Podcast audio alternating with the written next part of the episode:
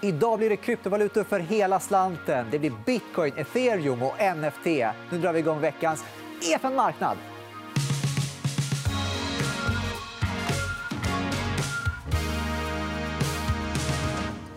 Och när vi pratar om kryptovalutor då brukar du frekventera våra program, Erik Wall. Varmt välkommen. Tack så mycket.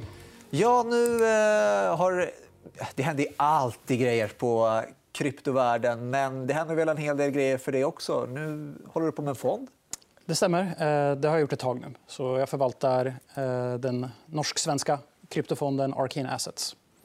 Och det trivs du med? Du känner dig taggad? Det är kul? Det är det bästa jobbet man kan ha. Det är det bästa jobbet man kan ha. Ja, det är en eh, bra inledning. Och nu tycker jag att vi för en gångs skull inte pratar om bitcoin i början. utan Vi börjar istället med ethereum. För ethereum handlas eh, som tidigare, men det finns även NFT som handlas väldigt mycket på eh, blockkedjan för ethereum. Har ethereum blivit ännu hetare efter det senaste året? Ja, men det skulle jag säga. Om man börjar med att titta på priset så har ethereum ökat Eh, trefaldigt relativt till bitcoin. Så den relativa värderingen mellan... Eh, ethereum börjar närma sig ungefär hälften av bitcoins eh, market cap, alltså hälften av eh, bitcoins börsvärde. Så det är ganska, det, ethereum är runt omkring liksom toppnivåer relativt till bitcoin historiskt sett. Det har varit eh, högre vid vissa tillfällen, men då har det varit under ganska korta perioder. Nu har ethereum legat under ganska lång tid som är ungefär hälften så, så högt värderat som, som bitcoin. Och det, det, har varit en ökning ända sedan början av 2020 som har gått eh, ganska systematiskt. Och, eh, ja, nu, nu ligger vi där på, på bra nivåer. Men det är ingen naturlag som säger att bitcoin alltid ska vara högre värderat än ethereum. Vad är det som talar för att bitcoin ändå kommer att vara före ethereum? Eller vänd på det. Vad talar för att ethereum ska gå om bitcoin? Ehm, det finns en del saker som ligger i fatet för ethereum. och Det är att eh, Eh, bitcoin är det digitala guldet. Men Ethereum-plattformen är ganska mycket fler saker. Det är en plattform för finansiella applikationer. Och det, de här finansiella applikationerna det är det som har varit the killer use case. Eh, äntligen så har Ethereum fått liksom ett use case som har slagit, egentligen, förlåt, egentligen fått två stycken use case som har slagit igenom på bred front. Det ena är det här DeFi, decentralized finance. Eh, och det andra är NFT. De två sakerna har fått jättemycket momentum. och Nu är det massor av människor i hela världen över som pratar om board apes och såna saker. och Att man kan eh, tokenisera låtar och allt möjligt.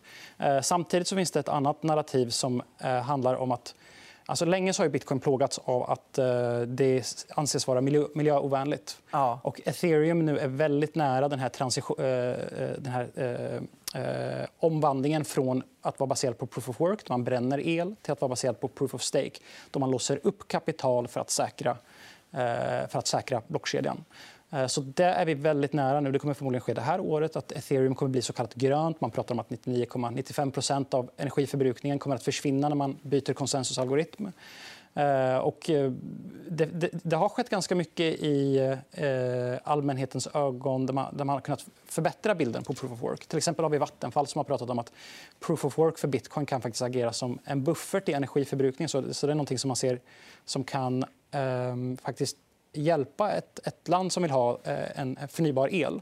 Man kan, man kan, alltså förbruka, man kan alltså utvinna mer förnybart än vad man planerar att förbruka. För att när det är ett överskott av el då kan man använda det för att mina bitcoin. Just det. Och att det är därför kan man reglera det. För att, ja.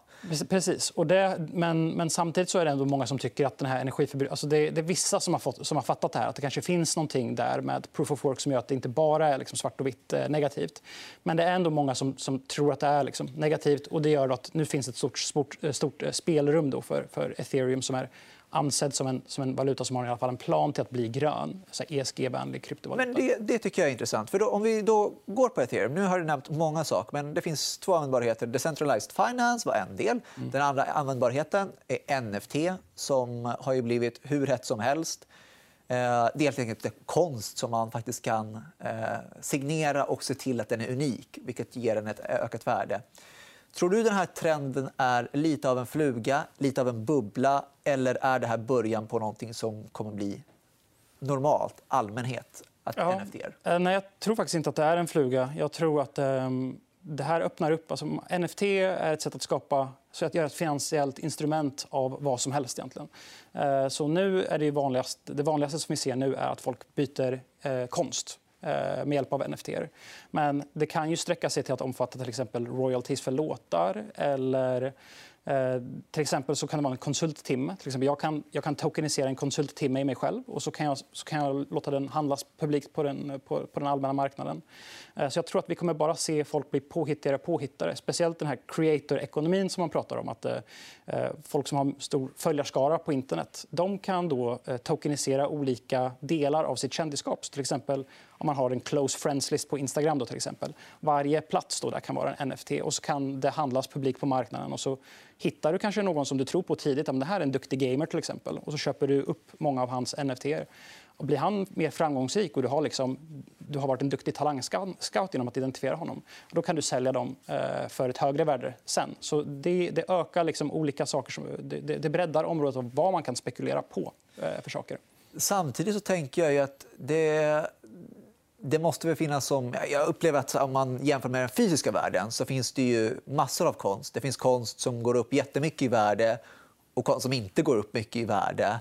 Och att NFT just nu känns som nästan allt på NFT liksom ökar mm. i värde. och så. Eh, är det, bör man ändå liksom kika på vad man faktiskt köper för NFT snarare än att man bara köper någon NFT? Alltså, att vara NFT-spekulant är en, helt, det är en, helt en egen konstform i sig. Eh, det handlar om att kunna identifiera ja, men vilka NFT är associerade till någonting som det finns en stark community och kultur bakom. Eh, och det är väldigt stor skillnad på det och traditionell kryptovalutaspekulering. Här handlar det om att förstå eh, vilka kulturella objekt kommer att ha signifikans i framtiden. Och anledningen till att NFT det är så mycket spekulation just nu är för att det är många som förstår eller tror att ja, NFT, NFT är här för att stanna. Hur kan man då bevisa? För Det som är det fiffiga med NFT är att varje NFT har en perfekt eh, eh, lagrad transaktionshistorik. Så ifall du samlar på dig NFT tidigt då kanske du kan visa senare att ja, men jag har fattat det här med NFT. Jag fattade det redan när det var nytt. Så det gör att det finns en väldigt stor efterfrågan på de här tidiga stora NFT. Så att du kan bevisa... Alltså lite skrytvärde? Precis. Det, det är att, att kunna visa att man fattade någonting innan andra gjorde det. Eh, och nu är NFT liksom ett sånt område som, är, som i sig är, liksom intressant att ha fattat. Sen så kommer det eh, också anpassas till exempel på uh, men, vad du tidigast bland dina vänner har varit identifiera en ny artist. Köpte du den artistens NFT, då behöver inte du säga att jag, var, jag var först i det här gänget med att lyssna på Tupac för att du har liksom den, den historiken där. Uh, så, men nu, nu så är det att folk köper liksom alla möjliga NFT bara för att, för att de är NFT. Ja, men, men till slut så kommer det, det kommer inte vara så coolt ett par år från nu att ha en NFT för det kommer vara liksom mainstream. Men att ha de första NFT, uh, NFT som, som fanns, som gjordes, det visar liksom att du du förstod det med NFTs tidigt. Och det finns många som vill göra liksom en verksamhet kring det här och bygga en industri kring det. Och ska man göra det med någon credibility, ja, men då så ska man ha varit tidigt ute och, samlat på sig. Det är väl lite som med fysisk konst också, att det finns någon eh, skrytvärde där också att ha de här eh, grejerna i sin ägo. Men då upplever jag att ethereum har en stor plattform där och en användning där. Och du nämnde att det blir eh, energiförbrukningen kan minska så mycket som 95% 99,95. 99,90. Ja. men det, det förbränns ju ingen. Alltså, när, du, när du deltar i den här proof of stake konsensusalgoritmen då så, den där du ska bevisa till blockkedjan är att du har låst fast ett stort antal ethereum-mynt. Och det, det, kostar ju bara, liksom, det är ju bara datorer som körs. Och det är för att upprätthålla hela ethereum-systemet som ja, det här körs just nu. Men, men de, de, försöker inte bevisa hur mycket el de förbränner. Det är det som de har gjort tidigare. Liksom, liksom, visa hur mycket el de förbränner och baserat på hur mycket el de förbränner så får man rätten att producera nästa block. Men nu så är det bara att bevisa att man har en, en en stor andel av mynt i blockkedjan. Och det är såklart att det är mycket energisnålare eh, och att komma till konsensus på det sättet. Men det låter ju som det finns ganska mycket positivt rent fundamentalt för ethereum. Hur tror du den här till exempel energiminskningsgrejen påverkar priset? Mm. Alltså jag, jag har varit här tidigare och så har vi pratat om... Jag, jag tittade för inte så länge sedan från någon intervju jag var här gjorde 2019. Och då så pratade man om att ja, men det är bitcoin som är den enda kryptovalutan som har legat på liksom, eh, första platsen och har gjort det under väldigt lång tid. Men jag sa då 2019 att men nu börjar ethereum ha legat på eh, plats nummer två så pass länge att den är, eh, liksom, det kan man ändå se som en på något sätt en etablerad kryptovaluta. Och nu har det gått ytterligare ett par år och ethereum har blivit ännu, äh, ännu större. Så nu så tycker jag liksom att man kan nästan börja dela, börja dela in kryptovalutamarknaden liksom i två, tre olika delar. Vi har liksom bitcoin, det digitala guldet. Det är i princip ohotat i den kategorin. Sen så har vi det som kallas för smarta kontraktplattformar. Och där är ethereum en eh, sån plattform, den största.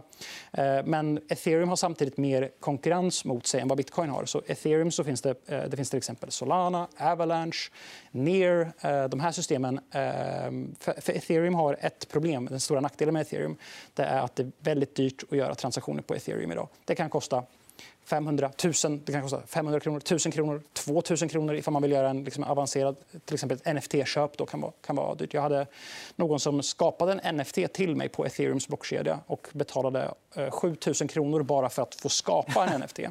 Eh, och det är för att det är, så här, det, det är väldigt eh, mycket hype där, och, och men det, det, är bara ett visst antal transaktioner eh, per minut som, som kan göras i systemet.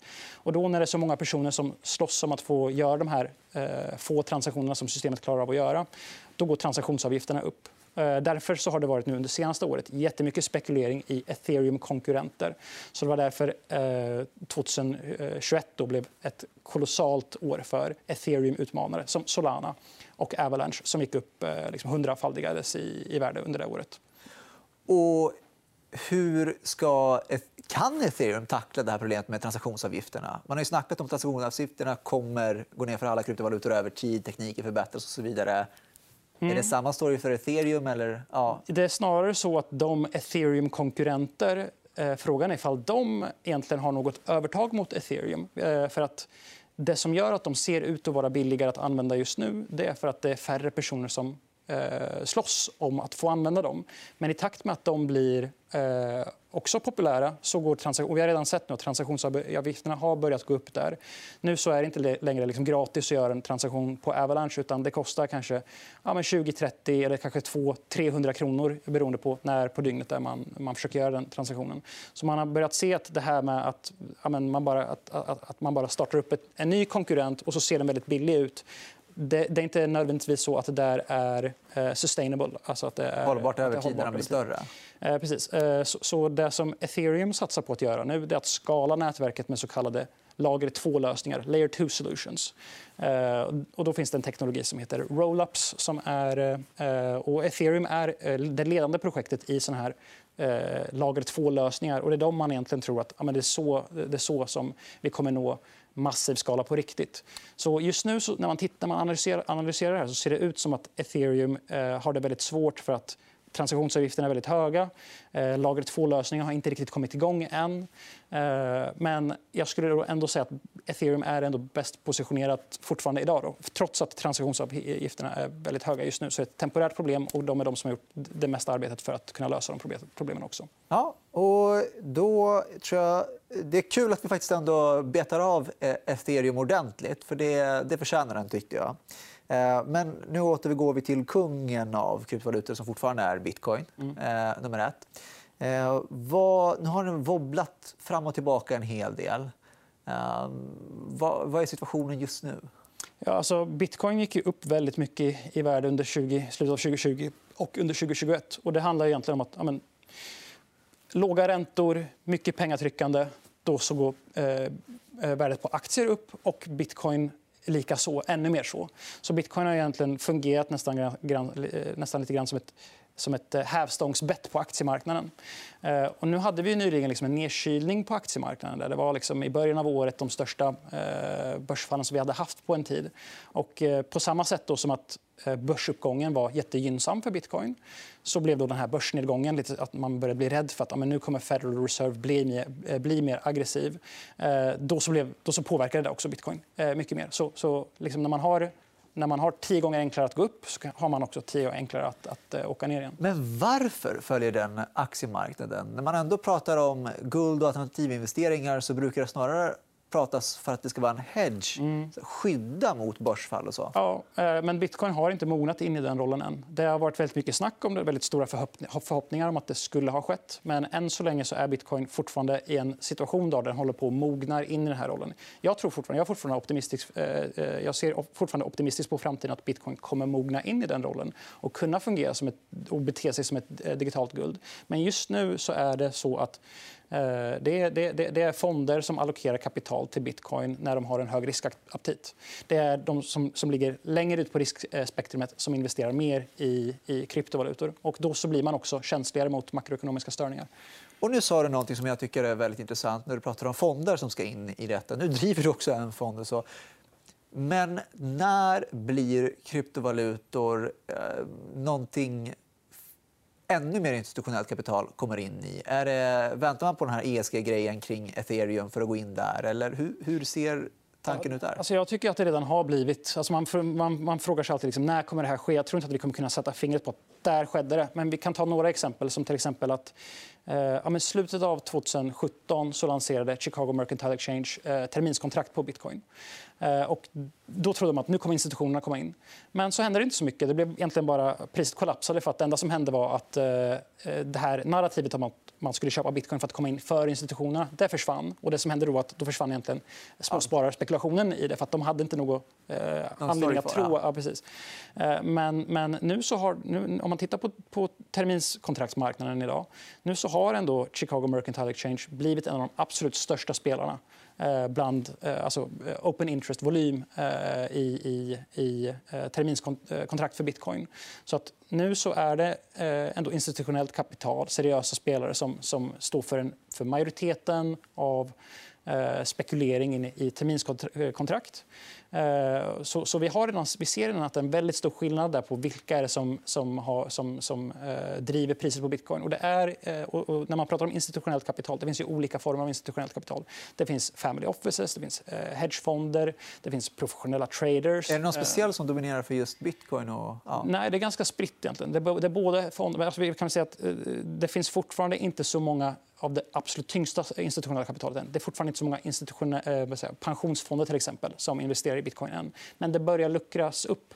Eh, under 2021 så hade vi ju ett, ett eh, fantastiskt år där man pratade om att eh, företagskassor skulle börja investera i, krypt, i, bitcoin. Och MicroStrategy var det här företaget som, som eh, slog på trumman mest där och eh, köpte upp eh, eh, en, mellan 1 och 2% av hela av alla bitcoin som fanns.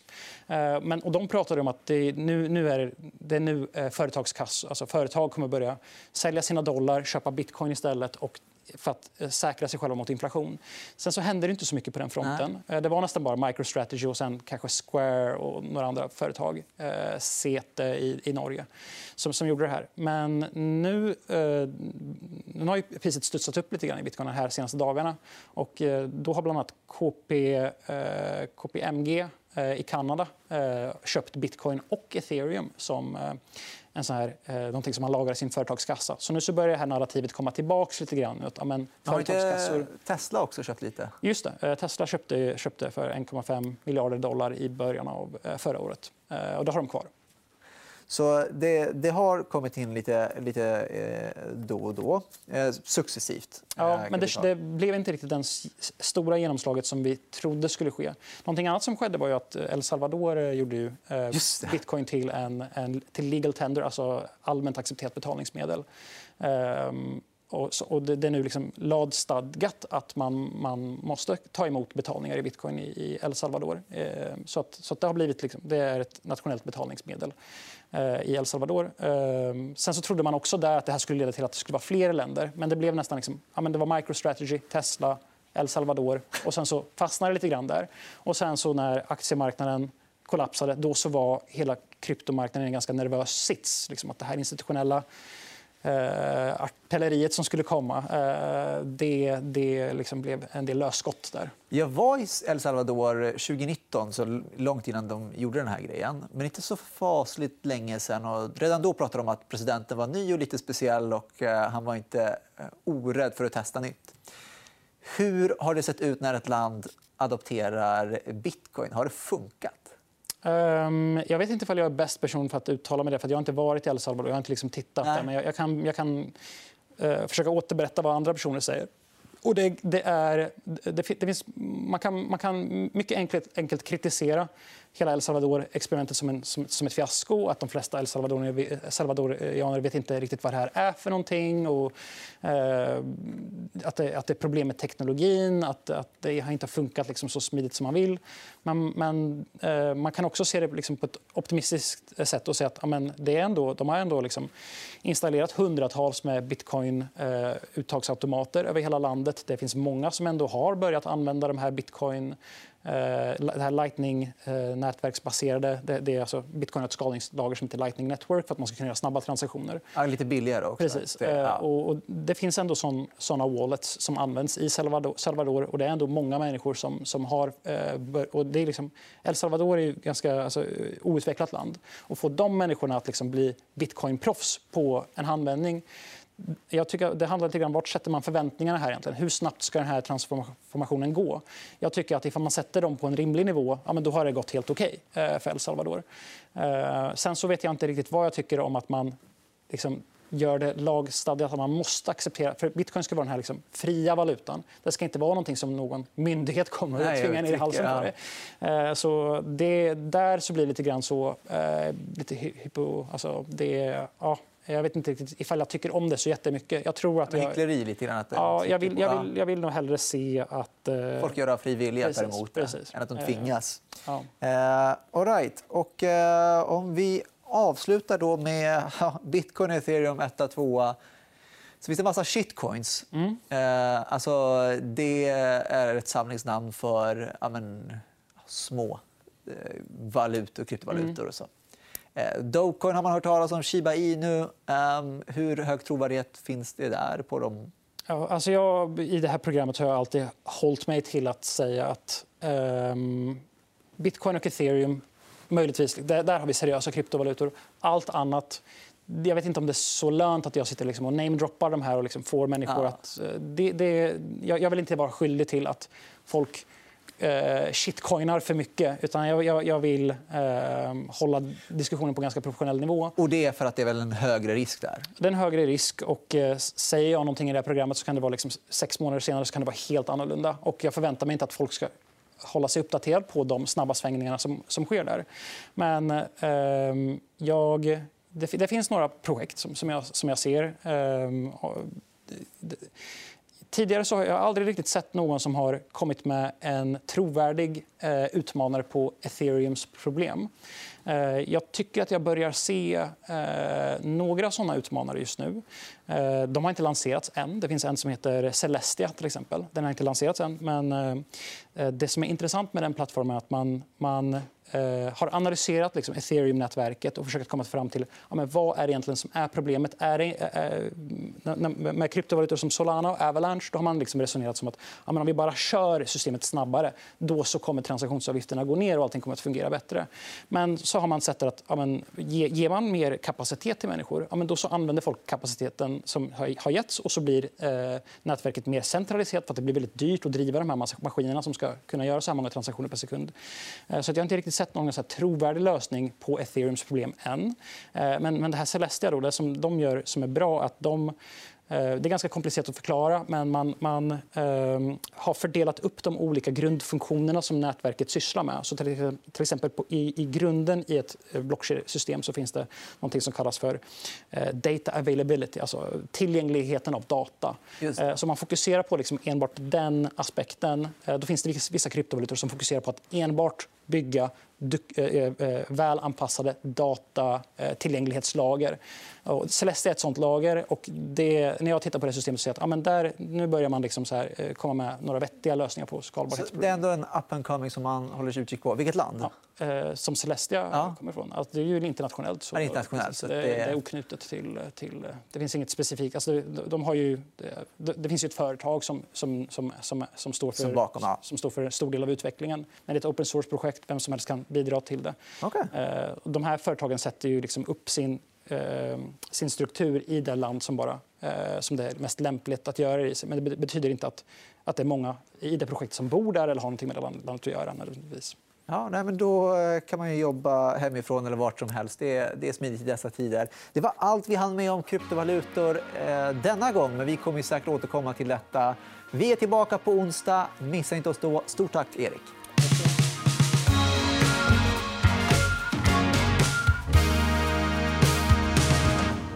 Du har lyssnat på EFN Marknad, en podd av EFN Ekonomikanalen. Mer om ekonomi och aktier finns på efn.se.